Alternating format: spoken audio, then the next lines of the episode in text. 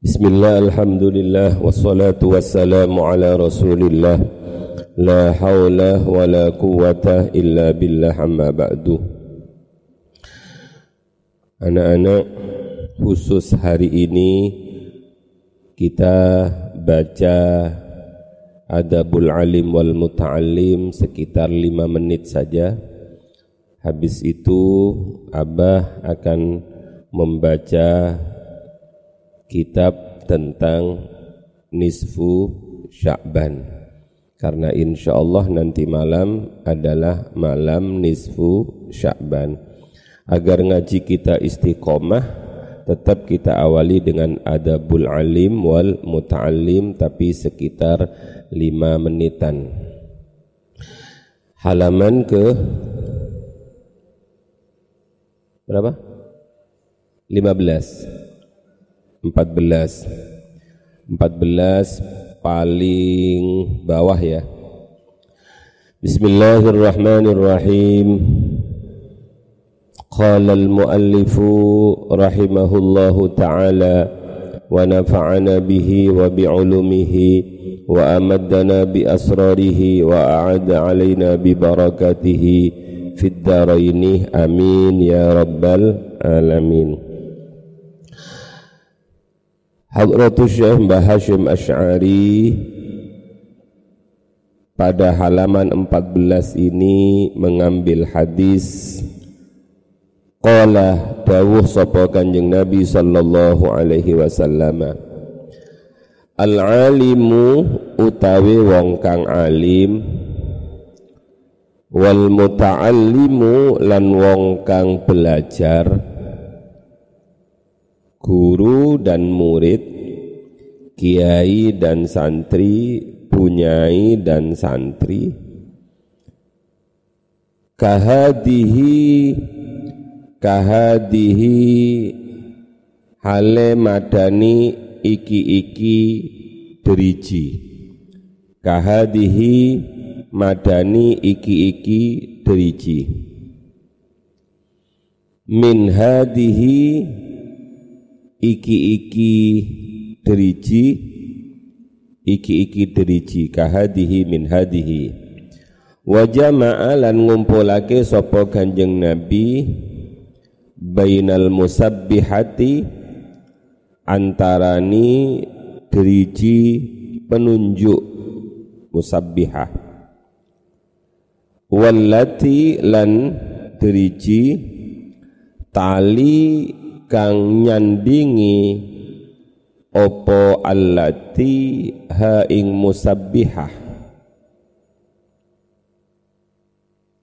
Iku syarikani al alim wal muta'allim iku syarikani sekuton luru atau sekutu karuni fil ajri ing dalem ganjaran. Wala khaira lan ora ono kebagusan iku maujud visa irin nasi ing dalem sekeri menungso ba'du sakwisini ba'du sakwisini al-alim wal muta'allim. Wa qala sallallahu alaihi wasallam Udu aliman au muta'alliman au mustami'an au muhibban lidzalik wala takun alhamisa fatahlika. Udu dadiya sira. Aliman iku wong kang alim. Au muta'alliman utawa wong kang belajar au muta'alliman utawa wong kang belajar. Au mustami'an utawa wong kang ngrungokake mustami. Au muhibban utawa wong kang demen wong kang cinta. Lidzalika marang mengkuno-mengkuno alim. Au mustami' alim au muta'allim au mustami. Wala takun lan ojo onu siro iku al khamisa wong kang kaping limo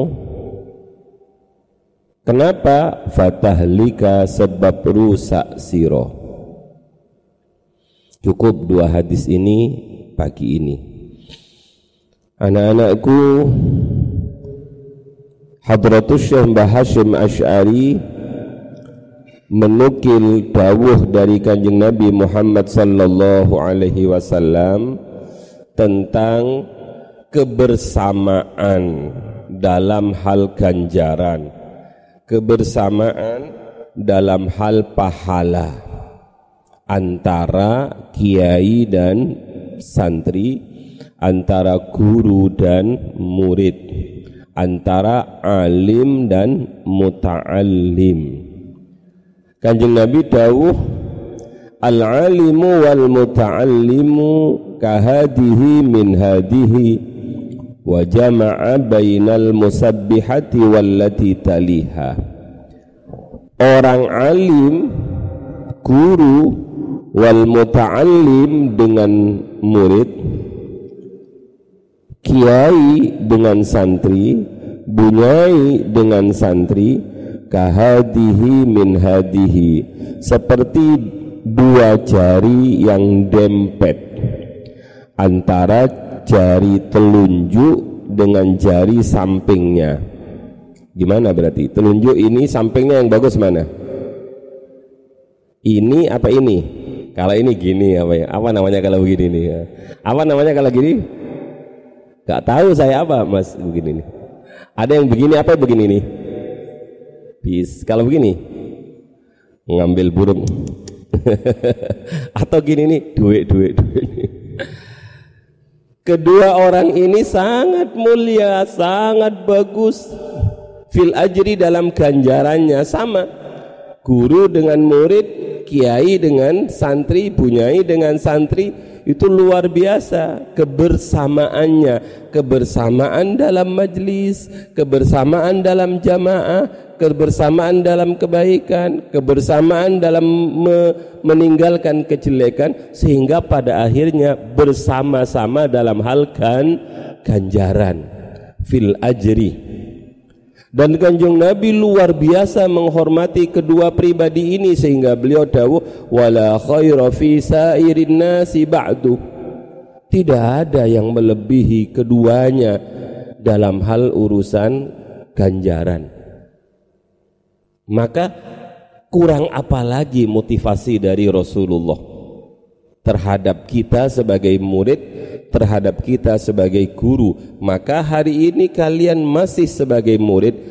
Jangan berhenti hanya di sebagai murid. Kalian harus punya cita-cita bahwa ilmu kalian harus kalian ajarkan kepada orang lain. Bukan karena apa-apa tapi kita butuh ganjaran dari Allah Subhanahu wa taala. Kita butuh paha pahala dari Allah Subhanahu wa taala jadi kalau seperti ini sama-sama butuhnya nak. Nanti kalau kamu pulang Jangan sekali-kali kamu ngomong begini kepada murid. Siapa yang butuh? Wes gak usah ngaji sisan. Wes gak usah masuk sisan. Gak usah sekolah sisan. Aku gak butuh padamu. Eh sama-sama butuh.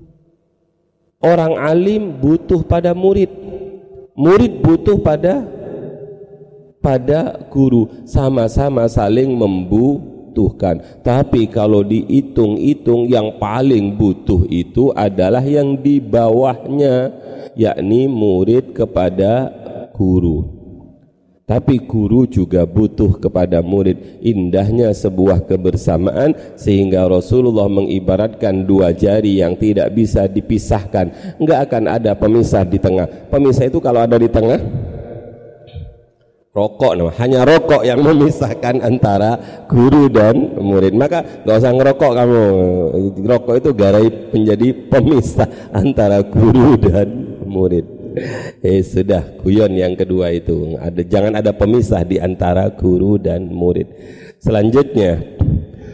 Waqala sallallahu alaihi wasallam. Hadis yang diambil Mbah Hashim redaksinya adalah ughdu Tapi dalam riwayat yang lain kun aliman au muta'alliman.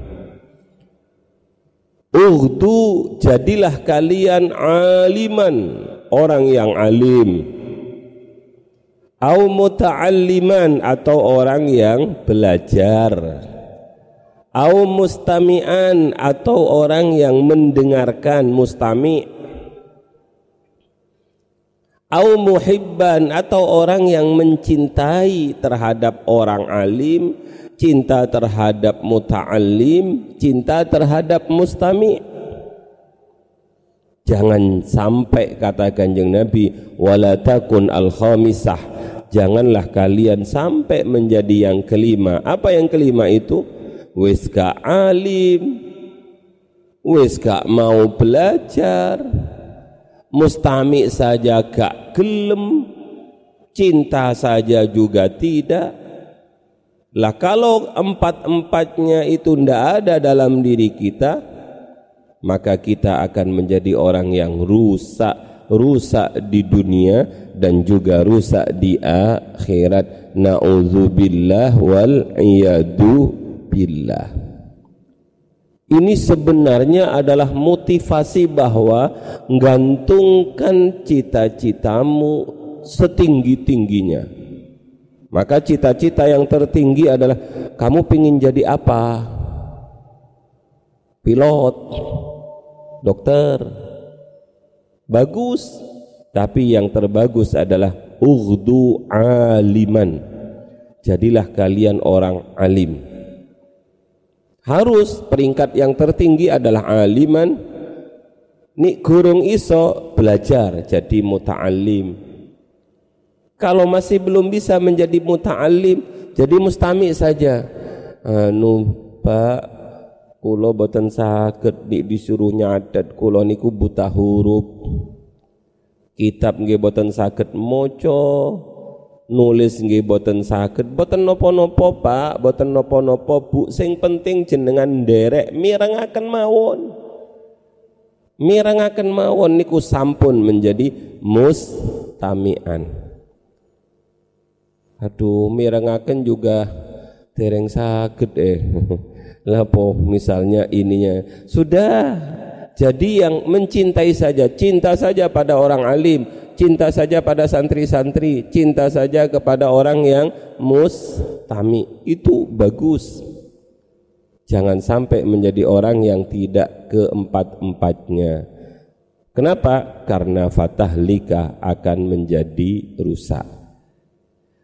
Ini cukup dua hadis ini sebagai materi adabul alim wal muta'alim agar kita ditakdir, agar kita dicatat menjadi orang yang istiqomah dan bisa menjadi murid dari Hadratus Syekh Mbah Hashim Ash'ari. Mudah-mudahan kita kumpul bersama guru-guru kita, kumpul sama Mbah Hashim, kumpul sama Mbah Fatah, kumpul sama Mbah Wahab, kumpul sama Mbah Bisri, kumpul dengan para kekasih-kekasihnya Allah. Mari anak-anak kita siapkan catatan. Kalau nutut dicatat. Kalau enggak nutut ya didengarkan. Karena alhamdulillah abah awali nisfu syakban itu hanya sekali dalam setahun. Kesempatan yang luar biasa itu jangan kau lewatkan. Sebab musibah terbesar dalam perjalanan kehidupan kita itu apabila ada orang haji dia tidak nututi Arafah. Sudah berangkat ke Mekah gak bisa wukuf di Arafah ketinggalan di Arafah. Kenapa? Ketiduran misalnya di maktab. Sampai orang sakit pun harus safari wukuf namanya. Itu namanya musibah. Musibah yang kedua adalah ketika waktu sholat tiba kita terlewatkan nggak sholat. Niku namanya musibah. Ada waktu untuk bertobat, kita lewatkan untuk taubat. Datang bulan Ramadan tidak puasa Ramadan. Itu namanya musibah besar dalam kehidupan kita. Lah, jangan sampai nisfu Sya'ban nanti malam itu kita lewatkan karena melewatkan kesempatan seperti ini adalah termasuk musi musibah. Jadi musibah itu bukan hanya kematian, bukan innalillahi wa inna ilaihi rajiun itu hanya untuk mati jadi ada santri yang melewatkan malam nisfu Sya'ban itu tanpa ibadah-ibadah sebagaimana yang diajarkan oleh Kanjeng Nabi, yang diajarkan oleh salafun salihun, maka dia adalah mendapatkan musibah.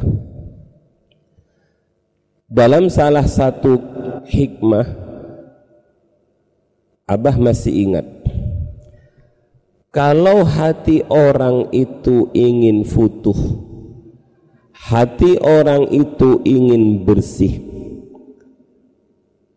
Kalau orang itu ingin menemukan kelezatan jamaah kelezatan ibadah maka paling tidak ada tiga hal yang harus diperhatikan.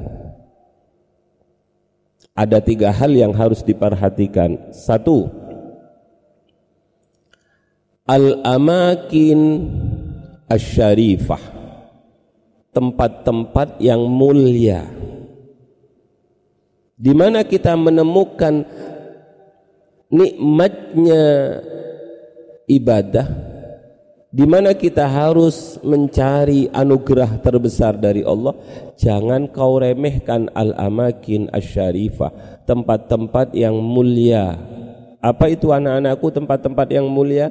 Masjidil Haram. Dan tempat-tempat yang ada di Masjidil Haram.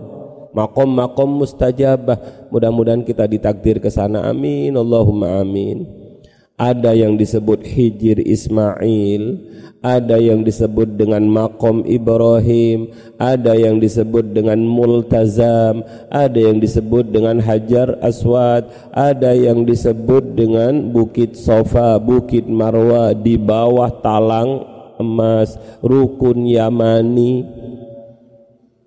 Tempat-tempat mustajabah ini jangan diremehkan. Sebab di situlah kemungkinan besar kita akan mendapatkan nur cahaya dari Allah Subhanahu wa taala. Yang lain, jangan remehkan Masjidin Nabawi. Karena di situ ada makhluk terbaik di bumi dan di langit makhluk paling terpuji di bumi dan di langit yakni baginda Rasulullah sallallahu alaihi wasallam al-amakin asyarifah yang lain Masjidil Aqsa. Sebab kanjeng Nabi pernah dawuh la tushaddur rihal illa ala thalathati masajidah. Tidak boleh kalian punya destinasi keinginan yang luar biasa kecuali keinginan untuk bisa sampai ke Masjidil Haram, untuk bisa sampai ke Masjidil Aqsa, untuk bisa sampai ke Masjidin Nabawi. Karena ini adalah al-amakin asy-syarifah. Kalau di luar itu uh, al-amakin asy-syarifah itu yaitu masjid, majelis taklim, majelis dikir itu namanya al-amakin asy-syarifah. Sudah. Yang kedua, jangan pernah meremehkan al-azminah pakai za. Al-azminah, al-azminah, zaman, zaman. Al-azminah atau al-awqat garis miring al-awqat asyarifah.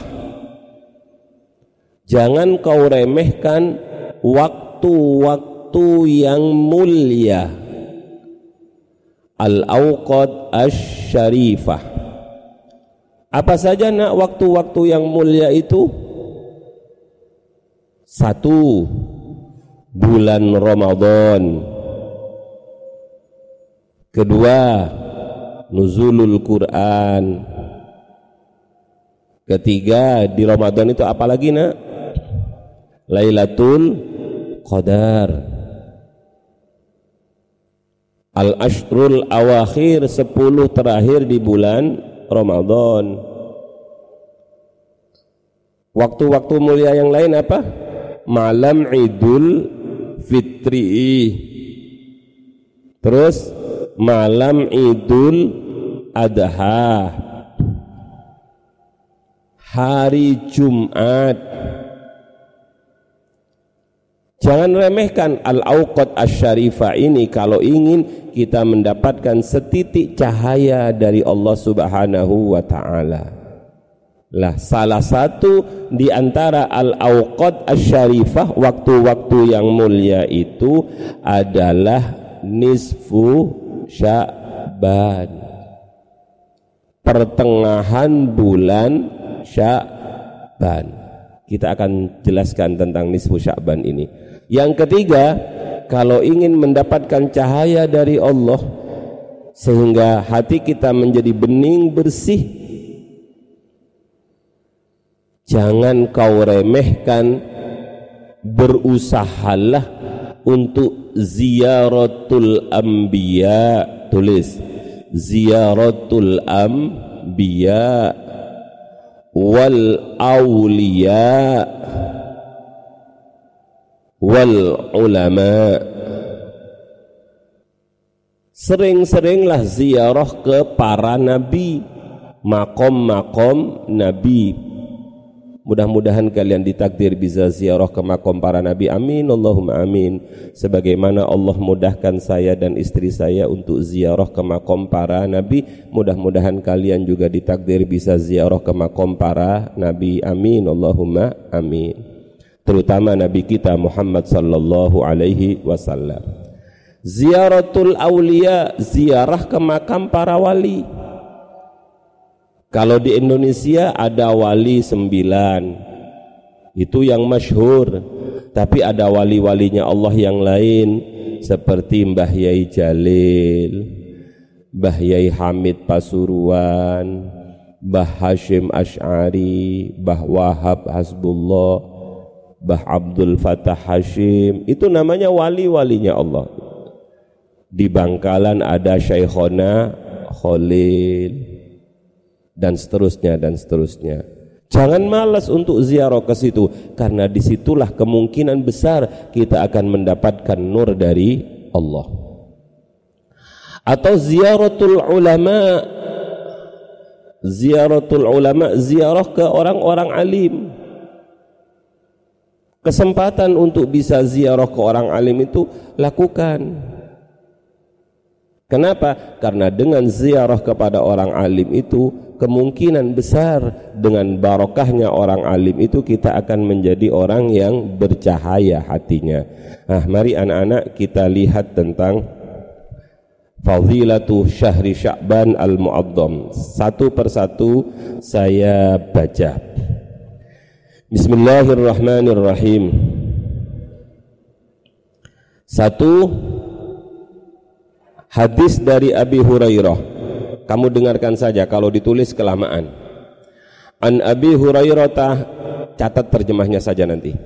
An Abi Hurairah radhiyallahu anhu radhiyallahu radhiyallahu taala anhu annahu qala qala alaihi salatu wassalam dari Abu Hurairah radhiyallahu taala anhu sesungguhnya beliau berkata Nabi Muhammad sallallahu alaihi wasallam dawuh Atani Jibril lailatan nisfi min Sya'banah Malaikat Jibril mendatangi saya pada malam nisfu Sya'ban. Malaikat Jibril mendatangi saya pada malam nisfu Sya'ban. Wa qala Lalu malaikat Jibril berkata, "Ya Muhammad, wahai Muhammad, hadhihi lailatun tuftahu fiha abwabus sama wa abwabur rahmah." Malam ini Kanjeng Nabi dikasih tahu, malam ini wahai Muhammad adalah malam di mana pintu-pintu langit dan pintu-pintu rahmat dibuka oleh Allah. Jadi malam nisfu Sa'ban itu adalah malam pembukaan semua pintu, pintu-pintu langit itu dibuka lebar-lebar pintu rahmat juga dibuka lebar-lebar. Maka kanjeng Nabi didawui fakum wasalli warfa ra'saka wa yadaika ila sama. Bangun Muhammad salato Muhammad dan angkat kepalamu dan kedua tanganmu ila sama ke langit Gimana prakteknya? Ngangkat kepala tenada wayadaika dan kedua tangan ilas sama ke atas langit. Ini gambar orang yang berdoa. Wayadaika ilas sama. Fakultu maka saya berkata kepada malaikat Jibril, saya bertanya kepada beliau, Ya Jabrail, ma hadhil lailah kok penting sekali kamu sampai datang memberi kabar kepada saya ma hadhil lailah ini malam-malam apa sih? Kalau bahasa akrabnya begitu ma hadhil lailah malam apakah ini faqala maka malaikat jibril menjawab hadhihi lailatun yuftahu fiha 300 babim minar rahmah Malam ini adalah malam dibukanya 300 pintu rahmat. Dibukanya 300 pintu rahmat. Karena 300 pintu rahmat itu dibuka dibuka oleh Allah, fayaghfirullahu taala li jami'i man la yusyriku billahi syai'a. Maka Allah tulis maka Allah akan mengampuni semua orang yang tidak syirik. Allah mengampuni semua orang yang tidak musyrik sebab dosa yang tidak diampuni itu adalah dosa syirik selain itu diampuni oleh Allah terutama pada malam nisfu sya'ban tapi ada anak-anakku beberapa pribadi yang tidak diampuni. Naudzubillah. Ini bocoran dari malaikat Jibril. Ada bocoran. Jadi ada kerepean dari malaikat Jibril di mana saking sayangnya malaikat Jibril kepada umatnya baginda Nabi agar jangan sampai umatnya baginda Nabi itu gak mendapatkan kesempatan ampunan di mana ampunan diobral sedemikian rupa apa bahasanya dalam dagang itu big sale ini namanya satu siapa yang tidak diampuni itu? Coba catat satu. Illa mangkana sahiron. Penyihir. Penyihir. Nggak ada santri alamanah tukang sihir itu nggak ada. Tapi kemungkinan tukang mahabbah ada ndak Tukang mahba ada ndak? Jaran koyang, cemar misem. Ojo ojo sebab kiai saya dawuh al mahabbatu juz'um minas sihrir. Mahabbah kepada orang itu memahbai orang, mewirid orang agar kamu kelihatan seperti wajahnya Nabi Yusuf gitu. Itu sihir, juz'um minas sihir. Gak usah, gak usah mahabbah-mahabbahan yang satu tukang sihir au kahinan atau juru badek juru badek itu apa sih? Juru badek itu peramal. Peramal. Peramal dengan tebak itu beda ya. Ada tebak skor itu namanya enggak itu enggak peramal itu. Peramal. Au mas au musakhinan musyahinan musyahinan. Mim shin alif ha nun. Musyahinan dulu kiai saya memaknai musyahinan itu adalah uh, wong kang duweni unek-unek olok. Tapi musyahinan itu adalah orang yang tidak saling bertegur sapa. Kawanmu dengan kamu tidak bertegur sapa. Kakak dan adik tidak bertegur sapa. Itu namanya mertua mungkin saja. Mertua dengan menantu tidak bertegur sapa. Tetangga satu dengan tetangga yang lain tidak bertegur sapa. Kasihan orang yang seperti ini tidak akan mendapatkan jatah ampunan karena dia masuk musya musyahinan. Selanjutnya yang keberapa nak?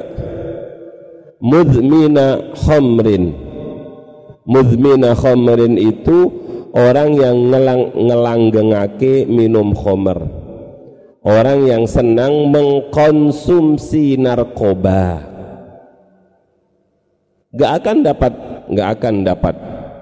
Bukan hanya yang mengkonsumsi yang menjual juga penjual narkoba pengedar narkoba pengedar pil koplo itu nggak akan mendapatkan jatah maghfirah dari Allah selanjutnya au musirran ala zina. Orang yang terus menerus zina. Musirran ala zina. Jadi nggak tobat terus zina. Selanjutnya insya Allah semuanya ini tidak ada dalam diri kita. Amin. Au akilar riba. Akilar riba. Orang yang makan orang yang makan riba. Orang yang makan riba. Insya Allah kita hati-hati tidak. Lah ini yang hati-hati.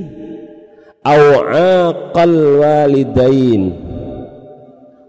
Aqal walidain orang yang durhaka kepada kedua orang tua. Aqul walidain selanjutnya saya percepat. An-nammam. An-nammam. Nammam itu wong kang adu-adu.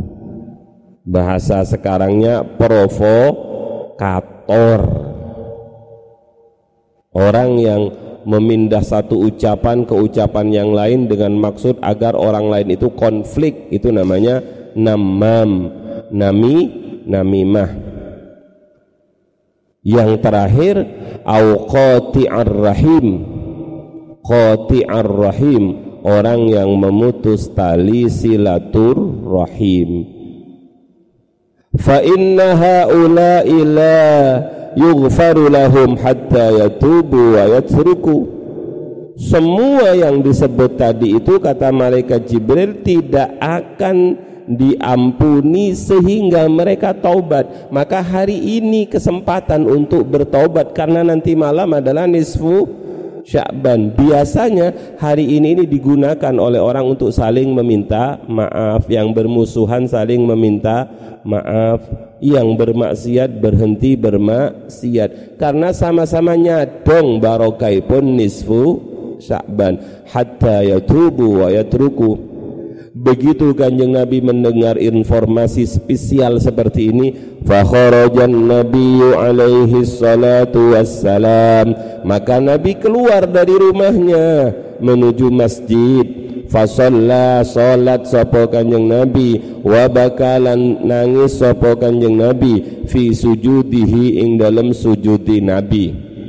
Maka kita akan lakukan ini nanti malam bersama-sama niru Rasulullah. Niru tindak lampai Rasulullah. Kharaja fasalla wa baka fi sujudihi. Kalau bisa nangis nangis. Kalau nggak bisa nggak usah ditangis-tangiskan. Hmm, nggak rai nggak husuk yang wa yakul. Ini yang penting. Wa yakul. Nabi berdoa Allahumma inni a'udzu bika min 'iqabika wa suhtika la uhsi thana'an 'alaika anta kama asnaita 'ala nafsika falakal hamdu hatta tarda ikuti saya. Allahumma inni a'udzu bika min 'iqabika wa suhtika wala uhsi sanaan alaika anta kama asnaita ala nafsika falakal hamdu hatta tardo. Nanti yang bareng saya di sini kita baca bareng-bareng. Sedangkan anak-anak yang di rumah nanti akan diketik oleh Cak Burhan dan akan dikirim via WA ya doa ini Sudah. Selanjutnya Inna rajaba lil istighfar wa sya'bana li islahil qalbi minal uyub wa ramadana li tanwiril qulub wa lailatul qadri litaqarrub ila Allah itu pembagian-pembagian. Rajab itu istighfar minad dunub memohon ampun dari dosa. Syakban itu untuk pembersihan hati dari aib. Aib itu penyakit-penyakit hati. Ramadan itu akan gunanya litanwiril kulub setelah hati bersih maka akan ada cahaya yang masuk ke dalam hati sedangkan walailatul qadar litaqarrub ilallah sedangkan malam qadar lailatul qadar itu untuk mendekat kepada Allah. Logikanya begini. Bagaimana kita bisa bertakarrub kepada Allah kalau hati kita tidak ada cahaya cahaya? Maka bagaimana hati kita di bulan Ramadan bercahaya kalau hati kita hari ini bulan Sya'ban ini tidak dibersihkan dari penyakit-penyakit hati. Maka Sya'ban ini gunanya membersihkan penyakit-penyakit yang ada di dalam hati terutama malam nisfu Sya'ban. Selanjutnya Qala an-nabiy sallallahu alaihi wasallam Qala dawuh sapa an-nabiy Kanjeng Nabi Muhammad sallallahu alaihi wasallam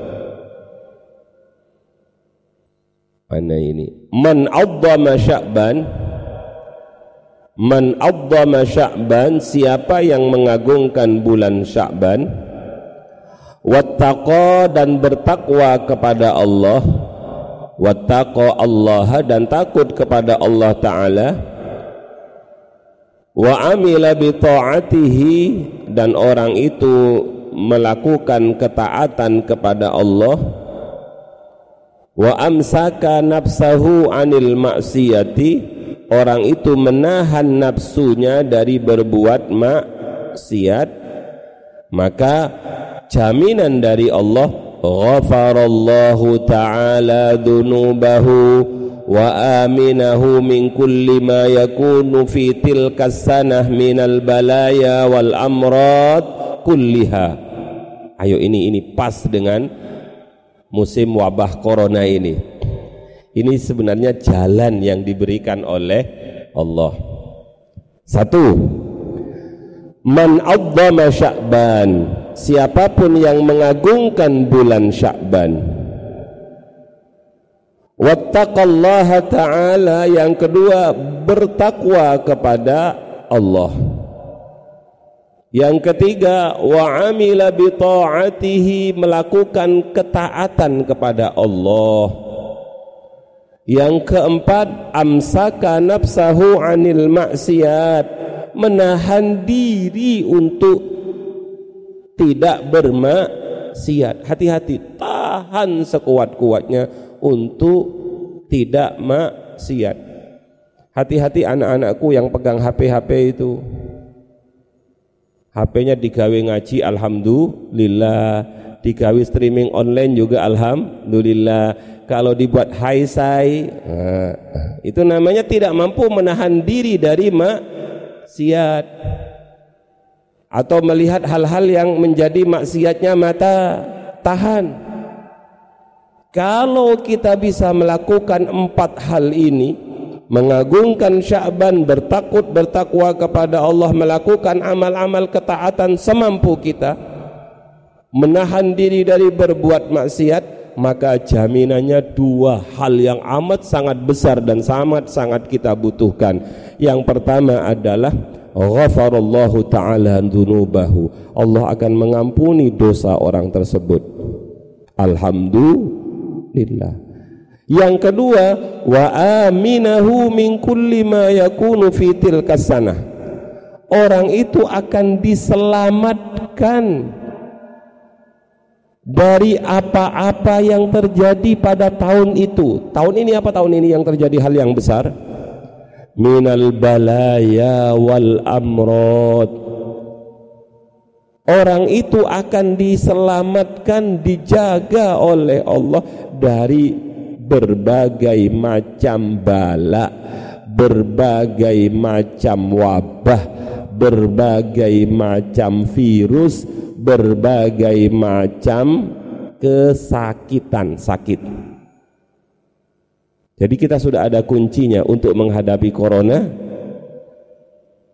Agungkan Sa'ban bertakwa kepada Allah lakukan ketaatan-ketaatan dan yang terakhir usaha sekuat tenaga meninggalkan maksiat. Insya Allah kita selamat di tahun ini.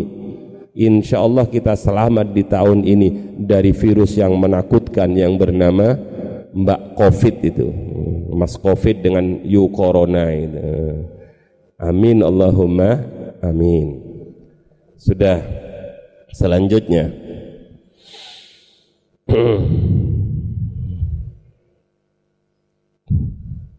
Man ahya kanjeng Nabi dawuh lagi. Man ahya lailatal idaini wa lailatan nisfi min sya'bana lam yamut qalbuhu hina tamutul qulub. Barang siapa tulis artinya barang siapa menghidupkan barang siapa menghidupkan malam dua hari raya malam Idul Fitri dan malam Idul Adha walailatan nisfi min Sya'bana juga menghidupkan malam nisfu Sya'ban. Nanti kita akan betul-betul hidupkan malam nisfu Sya'ban. Kita akan isi dengan Yasin dan lain sebagainya. Malamnya juga kita akan lakukan tahajud bersama. Salat lail bersama.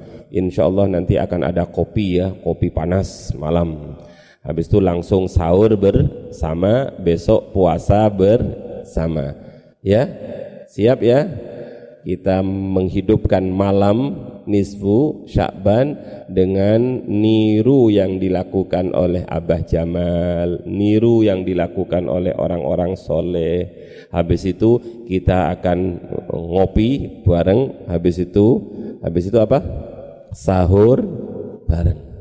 Sahur bareng. Kemudian besok poso bareng. Poso bareng siap ge yang enggak siap eh hilang fadilahnya nisfu Sya'ban insyaallah nanti saling-saling mengingatkan saling gugai hmm. malam nisfu Sya'ban lam yamut qalbuhu. Maka hati orang itu tidak akan mati hina tamutul qulub. Ketika hati-hati para hati manusia itu rata-rata mati. Lah kalau hati mati buat apa? Jasad hidup. Karena hati itu adalah ruh kalau enggak ada ruhnya buat apa maka cara untuk menghidupkan hati kita cara agar hati kita hidup hidupkan malam Idul Fitri, Idul Adha dan nisfu Sya'ban. Saya kira itu anak-anak banyak sekali kalau kita ingin membahas tentang nisfu Sya'ban. Salah satunya ada ada kejadian. Pada satu tahun Sayyidatina Aisyah an Aisyah binta an Aisyah binti Abi Bakr qalat dari Sayyidatina Aisyah radhiyallahu anha beliau berkata dengarkan saja bahwa Rasulullah sallallahu alaihi wasallam bangun pada malam dan melakukan salat serta memperlama sujud fa'atala sujud. Rasulullah memperlama sujud. Maka nanti malam sujudnya kita perlama. Ojo ndongak duluan ya ndongak duluan. Begitu saya belum Allah Akbar kamu jangan loh aba belum? Duduk lagi wah itu gimana? Nunggu aba-aba. Saya keraskan Allahu Akbar sujud. Kalau belum ngangkat belum ada bunyi Allah Akbar kamu nggak usah ndongak hmm. ikut Nabi fa'atala sujud perpanjang sujudnya kita isi dengan tasbih dan doa. Terus memperlama sujudnya sehingga aku menyangka beliau telah diambil maksudnya wafat. Saya mengira kata Sayyidatina Aisyah suami saya Rasulullah wafat diambil dalam keadaan sujud. Karena curiga maka aku gerakkan telunjuk beliau karena aku curiga maka aku gerakkan telunjuk beliau dan ternyata masih bergerak. Diitik-itik itu. Ternyata telunjuk Rasulullah masih bergerak. Ketika beliau mengangkat kepalanya dari sujud falamma rafa'a ila ra'sihi minas sujud wa faragha min salatihi ketika beliau mengangkat kepalanya dari sujud dan selesai dari salatnya beliau berkata Wahai Aisyah Wahai Khumaira Apakah kamu menyangka bahwa Rasulullah tidak memberikan hakmu kepadamu? Paham ya? Gak usah dibahas hakmu kepadamu. Aku menjawab tidak ya Rasul Tidak ya Rasul. La wallahi ya Rasulullah Tidak ya Rasul. Bukan masalah itu. Namun aku menyangka bahwa panjenengan telah dipanggil Allah karena sujud anda lama sekali. Saya mengira panjenengan wafat ya Rasulullah. Rasulullah kemudian bersabda atadrina ayyalailatin hatihi? Apakah kamu tidak tahu malam apa ini? Malam apa ini? Apa kamu nggak tahu malam apa ini? Kultu maka saya menjawab Allahu wa rasuluhu a'lam Allah dan Rasulnya yang paling tahu tentang apa malam ini. Kemudian Rasulullah sallallahu alaihi wasallam dawuh qala hai Aisyah dengarkan. Hadhihi lailatun nisfi min sya'ban malam ini adalah malam nisfu sya'ban Allah azza wa jalla yuqali'u ala ibadihi fi lailatin nisfi min sya'ban Sesungguhnya Allah memandang hamba-hambanya pada malam nisfu sya'ban ini. Allah mengetahui seluruh hamba-hambanya pada malam nisfu sya'ban ini. Maka fayaghfaru lil mustaghfirina wa yarhamul mustarhimina wa yuakhiru ahlal hikdi kama hamma. Kata kanjeng Nabi Allah mengampuni semua orang yang meminta ampun. Allah mengasihi orang yang minta untuk dikasihi. Dan Allah namun menunda orang yang hasud sebagaimana perilaku mereka. Naudzubillah minal hasad. Ojo sampai hasud karena orang yang hasud itu ampunan Allah ditunda sampai dia tidak hasud. Kasih sayang Allah ditunda sampai orang itu tidak hasud. Itu namanya tentang uh, tentang apa itu?